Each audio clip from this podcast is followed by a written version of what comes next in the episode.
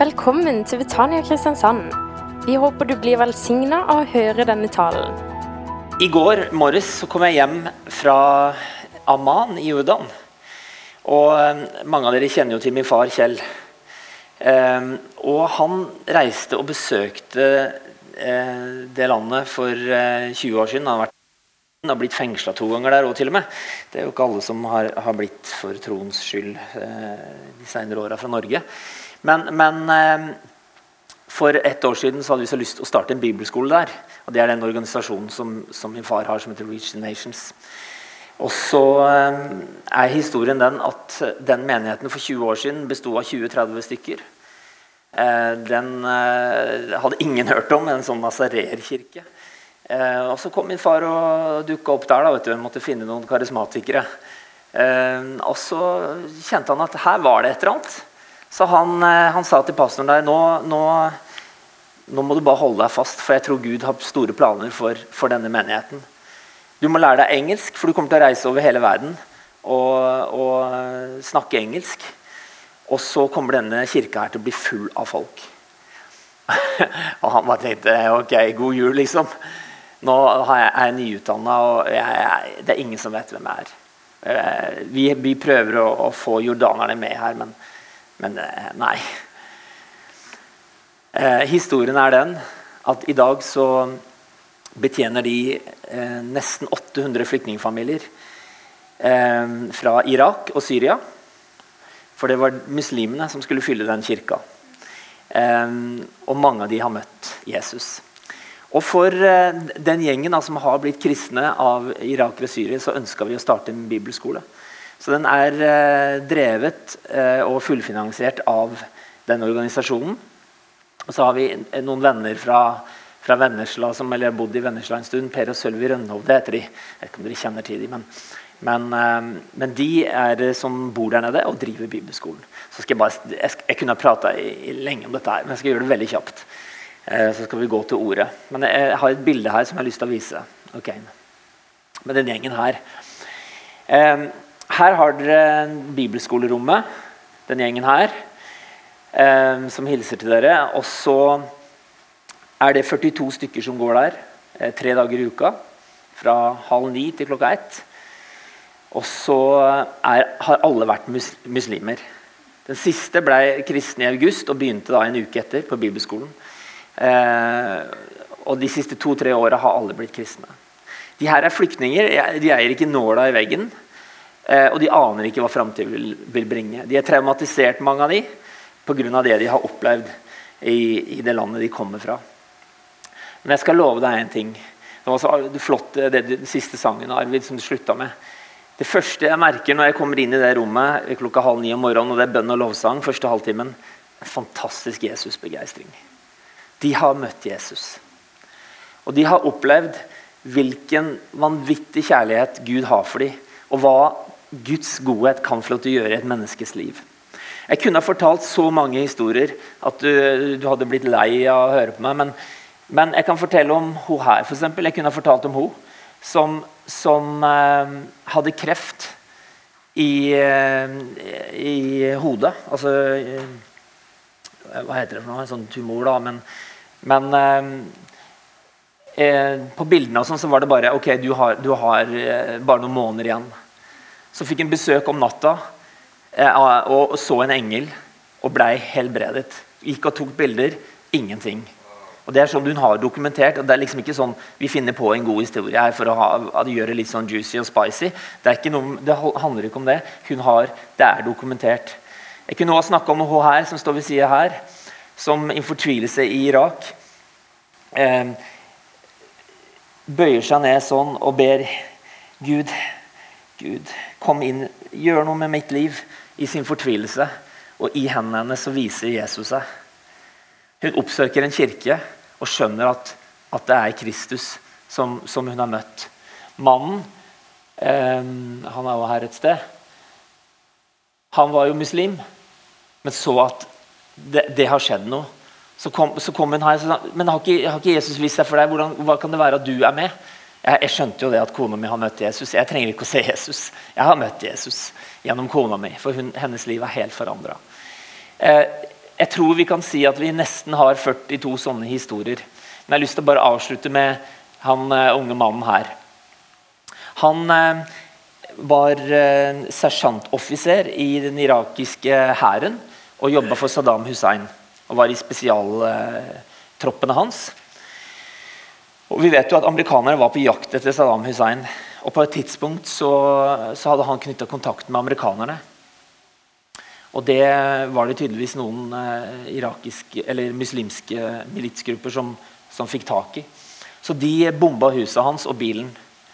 Det eneste han hadde igjen, var mobiltelefonen. og Der har han bilder, så han viste oss de bildene fra hæren når han var, var sersjantoffiser. Eh, og uniform. og Han var jo den høyeste graden innenfor det med befal og den, den veien der. Og så eh, visste han jo at de er, på, de er, på, jakt etter meg for å ta livet mitt. De håpte kanskje å ta livet mitt, men jeg var ikke i huset da. Eh, så han flykta til eh, Jordan og tenkte at eh, ok, hvis jeg oppsøker muslimer, så vil de kanskje greie å nøste historien og, og så tvil om meg som person, så det tør jeg ikke. Så jeg prøver å finne noen kristne. Så gikk han til alle de bygningene med kors på. Fra den ene til den andre. Ingen turte å ta han imot. De var jo redde. ikke sant? Han var jo muslim. Han hadde ikke noe, han kunne ikke si at han var kristen, for han ante ikke hva kristendom var. Så eh, kom han til denne kirka, da, som, eh, som er tilknytta den bibelskolen. Og så eh, får han en drøm om noen bøker, at han skal fikse noen bøker. Og Han er bare på matutdeling, som er hver 14. dag i den menigheten. Som da betjener disse nesten 800 familiene eh, med mat. Og så inviterer de jo til kirka, selvfølgelig. Og så er det sånn at de har en, del uro. De har en samling før de kan få maten. Så, så, de når jo tusenvis. ikke sant? I løpet av en uke så er det kanskje, eller 14 dager mener jeg, så er det ca. 6000 personer som den menigheten betjener. De som var 20 og 30. Um, og så um, drømmer om disse bøkene, at han skal fikse bøker. Han gjør det flere ganger. Så kommer han inn i kirka. da, så tenker han kanskje det er de bøkene her, for det ligger bibler i kirka. Og så kjenner han jo ingen der som personlig, og det er ingen som, han har jo ikke blitt kristen. eller noen ting. Men han tar med seg de bøkene under eh, jakka. Og så tar han, han to-tre stykker hver gang. Så fikser han de, slik at de er helt fine igjen. De har vært liksom fillete. ikke sant? Så setter han de på plass igjen neste gang han kommer. Og sånn holder han på uke etter uke. Og så begynner han plutselig å lese i disse bøkene. Eller den boka da, som han holder på å fikse. Og der, der møter han Jesus og livet hans blir fullstendig forandra. Men han har et hat. Han tenker at jeg må tilbake til Irak og hevne meg på de som har ødelagt livet mitt. Og Så underviser de på bibelskolen nå, denne høsten som var nå, om tilgivelse, om gjenopprettelse. Og så, så skjønner han vet du hva, mitt, mitt liv det, det skal ikke handle om hevn, det skal handle om å elske. Så tar han imot Guds tilgivelse også i forhold til alle de vanskelige forholdene hans. Og så eh, har han nå fått seg en jobb eh, som vaktmester, og så måtte han selvfølgelig gi noe til oss. Det er Hans Magne Lia. Han, er, han, er, eh, han, har praksisplass i Sørlandskirken. Han studerer. Så sa han jeg, jeg må jo må komme med en gave. Så skulle han gi oss, ga han hver, hver vår skjorte da, for å vise takknemlighet over at han har fått lov til å møte Jesus og fått lov til å ta imot tilgivelse. Og han her er, og mange sånne historier om hvordan Jesus møter mennesker over hele verden i dag. Det er så nydelig, folkens. Og den Jesusbegeistringa de har, det bare smitta over. og jeg var, jeg var, fylt med en sånn takknemlighet og kjærlighet.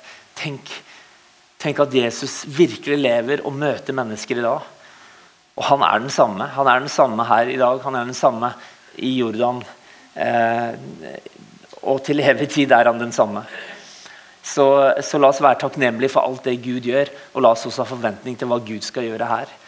For Gud, han er mektig. Jeg har lyst til å snakke litt om, om hittegods. Eh, jeg vet ikke om du har eh, vært på hittegodskontoret eller noen gang har trengt en sånn eh, tjeneste. Men hittegods det har noe bra med seg. Det skal jeg komme til etter hvert. skal vi lese sammen i Johannes kapittel 13, 34-35. Det er ikke hovedteksten i dag, men den må dere ha litt i bakhuet. Der står det Et nytt bud gir jeg dere. Dere skal elske hverandre som jeg har elsket dere. Slik skal dere elske hverandre. Ved dette skal alle forstå at dere er mine disipler, at dere har kjærlighet til hverandre. Jeg gjentar, dere skal elske hverandre som jeg har elsket dere. Takk, Jesus. Takk for denne stunden i Betania. Takk for at jeg får lov til å være sammen med mine venner denne søndags formiddagen. Og takk for at du er her. Jesus, jeg ber virkelig om at ditt ord må få lov til å trenge gjennom og få eh, bli sådd som et godt frø inn i våre hjerter. Jeg takker deg, Jesus, for at eh, du er mektig. Du er så stor, Herre. Og takk for at du, du, tenner våre hjerter igjen på ny denne dagen, Herre Jesus. Jesus, vi vil leve for deg, Herre. Det er du som er nummer én, Herre. Det er ingen som deg, her. Det er ingen som kan måle seg i nærheten av deg, Jesus. Kom med din kjærlighet her og fyll våre hjerter, Herre. Og la ditt navn bli stort i Jesu navn. Amen. Jeg, vet ikke om du um, har brukt mye tid på å lete etter ting. Det har i hvert fall jeg. Og, og, Jeg skal bare finne en nøkkel. Nå skal jeg vise den. Men, men eh, jeg vet ikke om du har en sånn den, den verste lete etter-historien din. Jeg vet ikke hva det er for noe. Altså, Hva letter du etter da? Hvor lang tid brukte du? Og, og, og hvordan gikk det til slutt? Det, det, vet jeg ikke. Og jeg vet ikke hva du har lett mest etter. Om det er brillene dine som er her oppe, eh, eller om det er mobilen som, som, du la der du hadde den sist, liksom, eller om det er nøklene, eller eh, hva det måtte være. Ungene mine spør masse om, om hvor ting er. Eh, spesielt mobilen. Da, så sier jeg den er, den er der du hadde den sist. Da blir de veldig fornøyd. Tusen takk, pappa. Det, det var det jeg håpet å høre. Eh, jeg har jo hatt mange sånne kjipe letegreier og bruker masse tid på å lete. Eh, så prøver jeg å lage meg gode vaner, slik at jeg slipper å gå og lete hele tiden. Men, men eh, jeg, jeg, har greid å rote bort to garasjeportåpnere. Sånne klikkere, vet du til garasjen. Um, og eh, Den forrige garasjeportåpneren den, da hadde jeg bare én, og den begynte å bli skrantende, så jeg kjøpte en ny en. Og Det første jeg greide å gjøre, var å rote bort da, den ene av de to. Og nå har jeg fremdeles bare én. Og jeg går og leter. Jeg, har lett i over tre år etter den garasjeportåpneren, for jeg vil gjerne ha to. Hadde vært fryktelig greit å ha en i bilen nå, så at jeg kan kjøre inn. Og ikke ha en liggende inn i huset som er liksom inn og henta. Du vet hvordan det er. Og du vet hvor kjipt det er. Jeg har et håp. Jeg ser stadig etter den nøkkelen når jeg er i boden. eller jeg har på meg eh, liksom, eh, motorsag. Eksempel, så tenkte jeg kan det være at jeg har glemt den forbindelse med noe sånt, men jeg har ikke greid å finne den. Jeg vet ikke om du har, har noen sånne ting hvor du virkelig har lett. Jeg har, jeg har en nylig det er, flaut. Jeg, jeg, jeg, har, ikke sagt det til kona mi engang, denne historien her. For det er, det er, så ille, det. Dette er bilnøkkelen til min fantastiske S-Max. Og dere kan få lov til å se Du kan se inni kupeen. Den er jo helt rå. 2006-modell. Vet du hva, jeg, det, det, er så, det, er så, flaut å si det, men jeg skulle parkere på en parkeringsplass. Og så skulle jeg bare bort og så finne koden til den uh, Easy Park-appen. Og så skulle jeg tilbake igjen og så hente sakene mine, og så skulle jeg gå. Og så skjer det at uh, når jeg har uh, fått den app-koden og går inn og henter veska mi og er på vei da, så skal jeg bare ta opp nøkkelen for å låse bilen i farta. Liksom, for å ikke miste noe tid her. Jeg må jo liksom, dette, skal, dette går på autopilot. Og så er det bare hmm, Skal vi se til nøkkelen, da. Jakka, lommene eh, Hæ? Hvor ble den nøkkelen? Å, jeg har glemt den i tenninga. selvfølgelig. Går inn i bilen. Nei, den var ikke der. Så går det, leter jeg i fem minutter. Jeg leter i ti. Altså, Hallo, jeg har akkurat parkert bilen. Hvor er nøkkelen? liksom? Det er Et kvarter. 20 minutter. Det er så vondt i kroppen. Det er så ubehagelig at jeg, jeg holder på å sprekke av fortvilelse og liksom sinne over meg sjøl. Så går det 25 minutter, og jeg har lett overalt. Jeg tenkte, Er det noen som har funnet den når jeg var på vei til, å, til den der stedet hvor jeg skulle se den koden? til den parkeringsgreia? Nei, jeg leter, jeg ligger på knærne, jeg ser under bilen, over bilen. Er det mulig? Jeg kan ikke miste en nøkkel på vei liksom 50 meter. Det går jo ikke an. Det må være der. Og så finner jeg den. Og Den ligger akkurat der den er på bildet nå. Det er sikkert litt vanskelig å se. Det er ingen som greier å se nøkkelen herfra. er det det? Da kan du se hvor vanskelig jeg hadde det. Det er jo trøsten min. da. Men jeg hadde altså på fornuelig vis så hadde jeg greid å miste den imellom her. Så den, Det er faktisk bilde av den om det er bare litt vanskelig å se. Den står på høykant oppå sånn. Slik at det er bare den svarte lille her som, som er der. Men jeg fant den, og jeg blei så vanvittig fornøyd. Gjett om jeg var glad. Og Da tenker jeg litt på de historiene som, som vi skal kikke kjapt på i dag, som kanskje mange kjenner fra Lukas kapittel 15. Jesus sier at det er tre historier.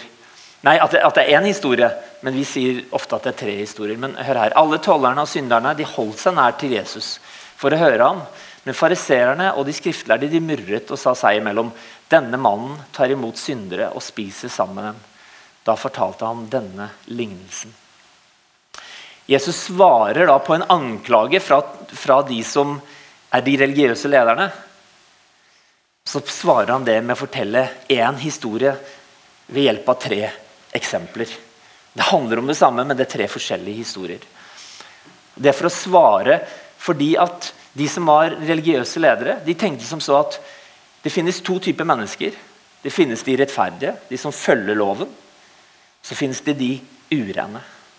Og Hvis du er rettferdig og følger loven, så kan du ikke engang snakke til de som er urene. Du, du skal ikke ha noe med de å gjøre.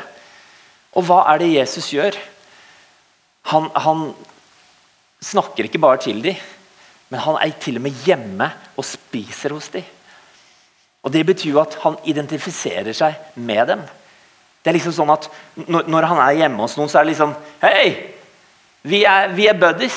Vi, vi, det er ikke noe forskjell på oss. Vi, vi er her sammen. Vi, er liksom Vi er som brødre. Det er sånn han behandler dem. Og vet du hva? Å spise sammen med noen eh, på den tida, det innebar ofte overnatting. Så ofte var de sammen hele kvelden, og så overnatta de. Og det var en måte å si at vi, jeg tilhører deg, jeg identifiserer meg med deg, du er min venn. Og det her kunne ikke de skriftlærde fariseerne fordra. For de her var jo urene. Tollerne var jo de var forferdelige. Altså, de var venn med okkupasjonsmakten og hadde liksom slått seg på lag med romerne. Og, og alle de kvinnene da, som var ureine og levde i prostitusjon, eller de spedalske, da, som var uh, hvert fall noe du skal holde deg unna, eller, eller, samaritanere, som har en annen religion, som dyrker Gud på et annet sted, det skal du i hvert fall holde deg unna. Og Det var anklagen, og så svarer Jesus. Jo, han svarer de med å fortelle om om sauen, de 99. Så er det en som blir borte, og så går han og leter. Selvfølgelig går han og leter etter den sauen. Så leter han til han finner sauen. Så tar han sauen med seg tilbake. Og Den historien der, den, eh, den vet jeg ikke hva, hva, du får ut av, men, men, i hvert fall så slår slutten meg at her er det noe riv ruskende galt. For vi har jo et uttrykk 'sauer er dumme som' altså vi, Ikke sant? Dum som en eh, sau det, det, det, er, ikke uten grunn. Altså, de er veldig ålreite dyr, men de er også veldig dumme. Um, og, og, dumme i sånn uh, forstand at jo, hvis de først går seg bort, så finner de ikke veien hjem. Det, det, det, er ingenting som indikerer på at de kan finne veien hjem. De har ikke peiling. Ingen retningssans. Ikke noe lukt som gjør at de kan liksom finne, finne veien tilbake. Det eneste de kan gjøre, er! Det er det de beste de kan komme på. Og Setter de seg fast i et gjerde, så det er ikke sånn at ja, nå har jeg lært av det. Men de, de gjør det med en gang. Eh, de kan gjøre det samme ett minutt seinere. Sette seg fast samme sted. Altså Det er sauen. Og vi kjenner vel oss kanskje igjen. Og, og Guds, jeg, jeg, tenker det er Gud, Gud, og Jesus sin humor. Ja, Vi bruker saueeksempelet. Den eh, skal vi ha det litt moro med. Det er de folka her. Eh, det er oss. Og så er det sånn med sauen nå at uh, hvis du først finner den, da, så er det ikke sånn at liksom, ja, men kom her da, så går vi sammen tilbake til flokken. Nei, du kan bare glemme det. Du får ikke sauen med deg sånn. Ja, kom her da. Bare... Altså I en flokk så kan du gå foran, for hyrden går alltid foran. Men du må bære den for at det skal gå. For Det kan ta dagevis hvis du skulle ha fått den sauen med deg. Og det kan jo være veldig, veldig tungt. Og det kan være, det kan være tøft. Og du ser sikkert Du skjønner hvem dette her er snakk om. Gud er selvfølgelig den som leter. Så finner han Han leter til han finner det, så finner han det han leter etter, så bærer han det tilbake. Det er et fantastisk bilde, er det ikke vel? Så tar han det med til, til flokken.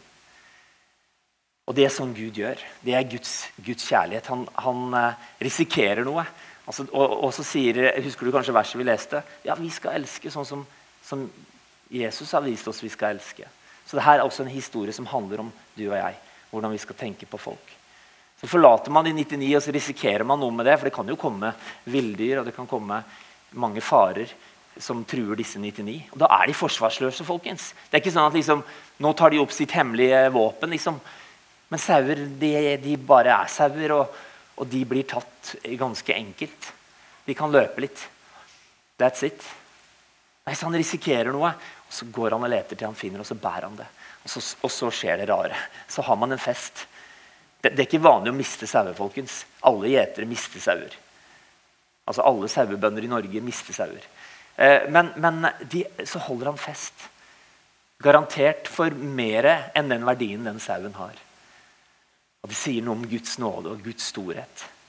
Så den ene som var borte, når den er blitt funnet igjen, kom og gled deg sammen med meg. Jeg hadde lyst til å ha fest når jeg fant bilnøkkelen. Åh, dette her det var flaut, men fytti og deilig. Jeg fant igjen det jeg hadde mista. Og sånn tenker Jesus om hvert enkelt menneske. For en glede å finne tilbake. Og la oss feire. Ja, ja, det får koste hva det vil, liksom, for det er verdt å feire. Neste historie handler om mynten. Denne kvinnen her hadde ti sølvmynter, men mista den ene. En eh, sølvmynt var verd en dagslønn. Så det var jo litt penger òg. Og hun eh, står det om at hun leter til hun finner den. Hun feier gulvet og har lampa klar, og så, og så finner hun den. Leter hun til hun finner. Og Det som er, som er verdt å merke seg her, er at den mynten som hun leter etter, den har jo ikke mista sin verdi. Det er jo ikke sånn at mynten, fordi den er borte, eh, er noe mindre verdt. Den er fremdeles verdt den dagslønna. Den er fremdeles verdt det den mynten har av verdi. Selv om hun ikke har den nå. Og Sånn er det jo Gud ser på mennesker som også er, er borte. De har ikke mista sin verdi, selv om ikke de er her, selv om ikke de er eh, iblant oss lenger, eh, sånn sett, eller går fast i menigheten lenger. Så har de akkurat like stor verdi. Gud har en akkurat like stor plan for dem. Så skjer det samme her. Hun finner mynten og leter til hun finner, og, og, plutselig har hun ti mynter igjen, og så kommer denne festen igjen. Inviterer naboer og venner, og så er det fest. Og så tipper jeg den sølvmynten der, og en til gikk i den festen. Det er ganske fantastisk hvordan Jesus forteller historien om, om hvilken nåde som Gud har vist oss. Så feirer hun og, og, og eh, lager til et selskap. Fordi det som har vært borte, er funnet igjen.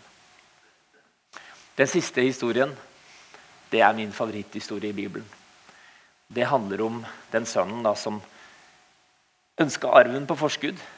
Han ønska å komme seg ut i verden, trengte pengene. Så sier han til faren nå, nå vil jeg reise. Og nå ønsker jeg å oppleve lykken og se, se meg litt rundt.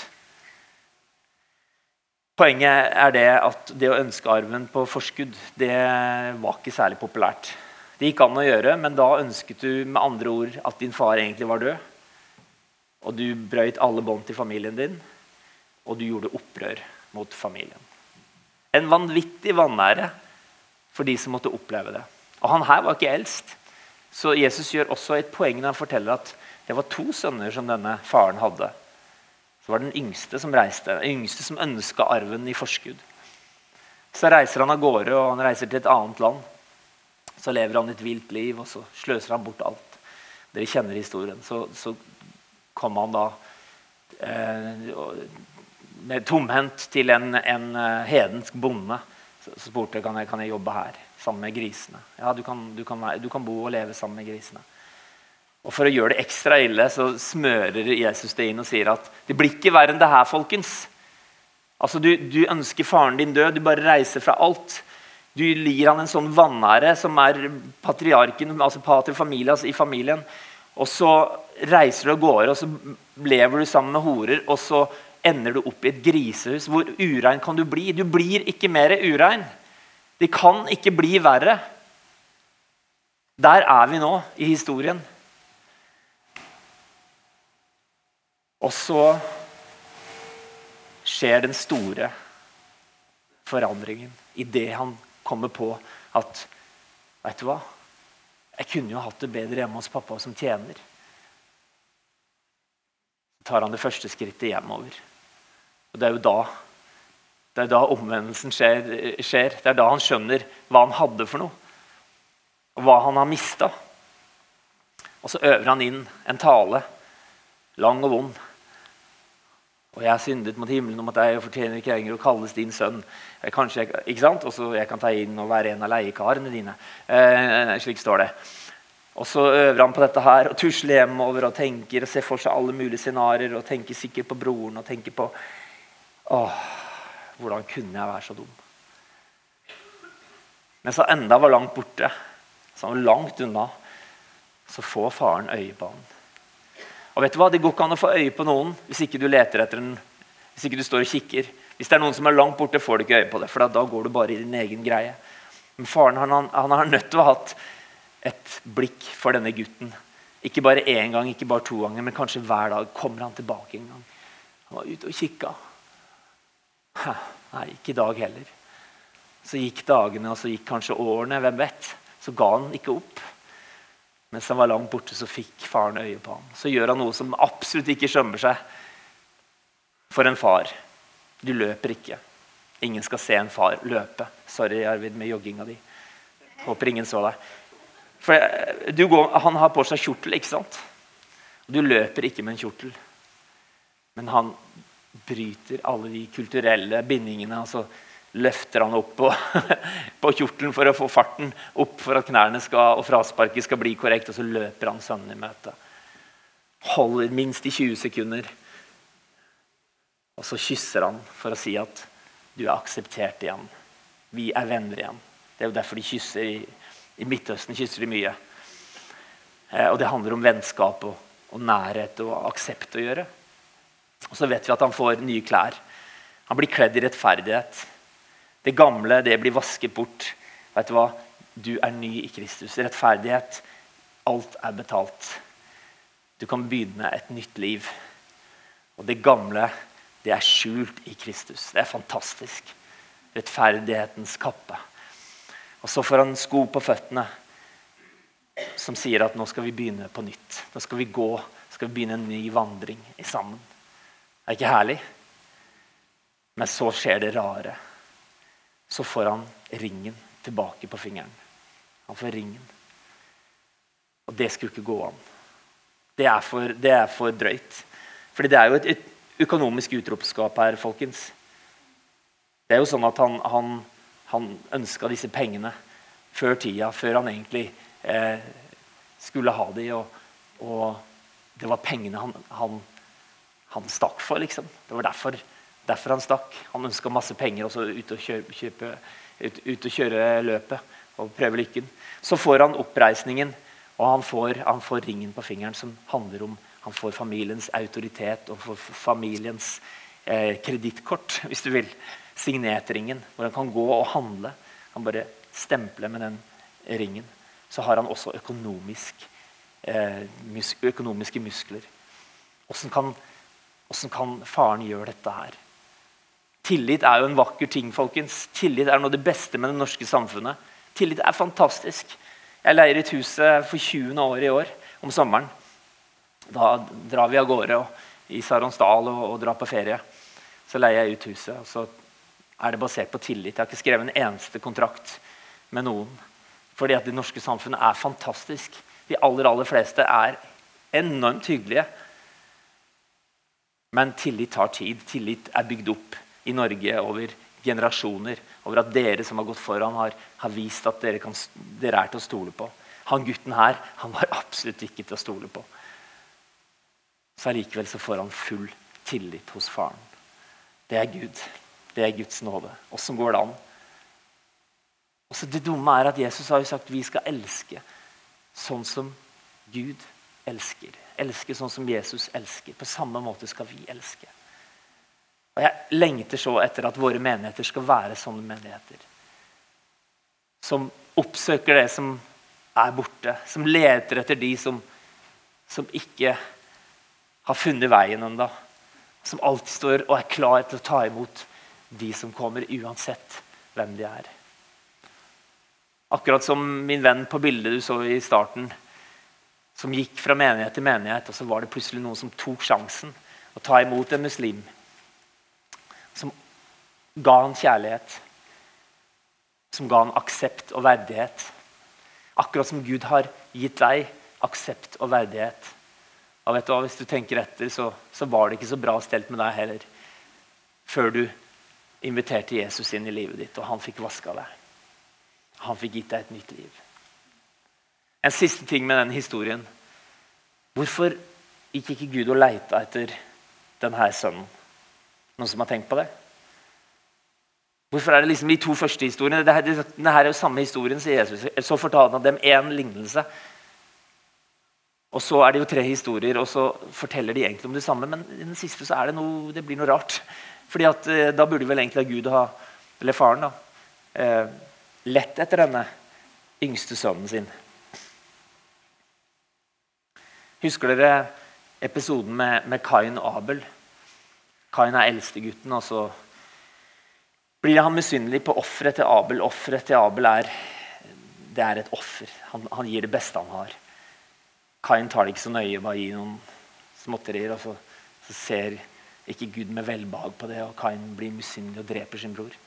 Rett etterpå så spør Gud Kain hvor, uh, hvor er Abel?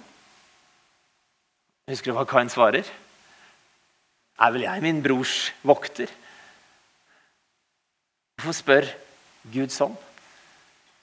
I det kulturelle så var det sånn at det var eldstemann som skulle ha gått og lett etter broren. Det var ikke faren, det var den eldste gutten. Det var han som skulle ha løpt av gårde og sett etter ham. Men Gud bryr seg om eldstegutten òg. For han hadde jo vært og jobba og kom tilbake, og så, så står det noe veldig morsomt, syns jeg. da. En ting er at han hører musikk, men han hører dans. Jeg beklager at det står dans. Det, det, det, jeg har lett i forskjellige oversettelser, men det er dans. Og det er ikke meninga å, å, dra opp sånne vonde ting. Men, men eh, dans Han hører dans. Da, da, er det jo Da er det jo ikke liksom bare liksom, Han hører musikken. Han hører dansen. Faren har, har laga det beste selskapet som går an, og slakta beste dyra. Gjøkalven som bare har drukket morsmelk hele livet, og, og som eh, har et kjøtt som er helt fantastisk. Eh, og så blir han invitert. Faren går ut til han. Men så kunne du være med på festen, da? Og så vet vi at broren ofte blir fremstilt i et sånt lys at Nei, for en, for en liksom møkkafant, eller for, for en liksom tullebukk. Men jeg har en dårlig nyhet når det gjelder den, eh, den broren. For det, det ville vi også ha gjort. Jeg ville i hvert fall ha vært akkurat sånn som broren. Det er helt naturlig å oppføre seg sånn som broren. Selvfølgelig er det det. All logikk sier at man skal oppføre seg sånn som han gjør, og kritisere faren. Hva er det du holder på med? Her er det en som har ønska deg død. Han har gitt deg så mye vanære. Alle i bygda snakker om deg at du har en sønn som er uskikkelig og som ikke ville høre på deg. Og han har dratt deg ned i søla. Han har til og med tatt pengene dine. Egentlig de som ja, jeg, Nå er jo jeg igjen som eneste arving. Greit nok, det. Men han har gjort oss så mye skam. Så kommer du og liksom, bare tar han rett inn i varmen igjen. Og hva har det gjort med meg, da? Altså, det er ikke noe unaturlig, folkens. Det er en helt naturlig reaksjon. Så Av og til så fremstiller vi det som liksom, eh, ja, han er the bad guy. liksom. Jeg, jeg, jeg ville aldri gjort sånn, jeg. Jeg ville jo vært sånn som faren. Og, men vi ville ikke det, hvis vi tenker etter. Hvordan du lever, og hvordan jeg lever i samfunnet i dag i forhold til mine medmennesker så ville du ha sagt at ja, men du, vet du hva, du skal få litt tid her, og du må jammen skjerpe deg. Eller det du har gjort nå, er så alvorlig at nå, nå får vi se litt hvordan vi skal gjøre det videre. Du ville ikke ha akseptert den yngste broren sånn som Gud aksepterte denne sønnen hans. Det tror jeg ikke. Eller kanskje du har, har, kommet mye lenger enn meg på, din, på vandringen. Men, men vet du hva, det er ikke unaturlig å reagere sånn. Men Gud gir oss en annen standard. Han, han, sier at det er en annen vei. Han sier at vi som menighet vi skal bruke Kristi kjærlighet til å elske mennesker. Og vi trenger den så. For av og til så er du ute for så mye rart og så mange dumme meninger og, og så mye som i hvert fall irriterer meg. Og, og, og som Arvid sa Jeg har blitt så mange ganger så skuffa på veien over alle de folka liksom som bare har gått sine egne veier. og ja, De har stikket av gårde, og så trodde man kanskje at ja, men var ikke vi her, da? Var ikke vi venner? Skulle ikke vi eh, liksom innta verden, eller hva vi sa for noe? Så ser jeg at mange av de, de, de har mer enn nok med, med sine egne liv og, og, og er langt unna eh, der de egentlig er tenkt å være, nemlig nærme Jesu hjerte og ha Jesus' begeistring for ham. Men vet du hva? De folka der er du og jeg. Vi er kalt til å elske dem. Vi er kalt til å elske dem på en sånn måte som denne sønnen som kom tilbake. Som bryter egentlig alle barrierer. Og Hvorfor kan ikke menigheten bli kjent for det? Og Det er det jeg digger når jeg, når jeg hører om Blå Kors og Arvid og jeg forteller at liksom jeg har vært, vært der og, og, jeg har spilt der mange ganger. Ja, fy, det, det, er flotte folk. Det er folk som gjør en, en kjempejobb. Hvorfor kan ikke også våre menigheter være prega av en sånn kjærlighet? Som bare inkluderer, og som ikke tenker masse eh, negative tanker. Jeg har sittet i samtaler, og jeg har jo ikke vært pastor lenge. i Det hele tatt, men det er nok av samtaler og nok av folk som, som opplever at ja, de, ser, de vil ikke hilse engang på meg når jeg kommer inn i kirka. Og jeg prøver liksom, ja, men snille vene, hva er dette her for noe? Jo, det var noe som skjedde for fem år siden. Og, og jeg føler liksom at det, eh, vi var jo gode venner, og nå så leser jeg denne historien som handler om å elske mennesker på tross av alt mulig. Og som, som tar imot med åpne armer, og som, som alltid kikker og, og, vent, og, og tar imot folk med aksept. Jeg lengter i hvert fall at våre menigheter skal bli kjent for det. Tar imot mennesker på tross av alt. Som ikke kommer og slår, huet, altså slår folk i huet med teologi eller hva som er rett og hva som kanskje er det beste. La oss elske folk først. La oss bevare Jesus-begeistringa og la folk få til å oppleve hans kjærlighet. Så vet jeg at det andre vil komme. Da vil det andre komme i rett skikk. Men det handler jo først. Elsk Gud av hele ditt hjerte med alt det du har, og det neste som deg selv. Og så får det andre komme. da. Vi må begynne på rett plass. Og jeg vet at mange er fantastiske forbilder for å, å leve sånn som det her. Men jeg har i hvert fall et hjerte for, for, menigheten som jeg er med og betjener i Arendal. At vi skal jammen være kjent for å ta imot mennesker uansett hva de har holdt på med. Så vil de akseptere dem fordi de er. De er elska av Gud. Uansett hva som har skjedd, uansett hvilken retning de har hatt i livet. Så til slutt, Det rare med hittegods, folkens, det er jo at den som har mista noe, den eier fremdeles den tingen. Selv om den er mista. Er du enig? Og Sånn er det hvis du finner noe. Så har du en plikt å levere den fra deg til der hvor man tar imot hittegods. Fordi den er ikke din. Det er, som, den, det er den som er mista som tilhører den.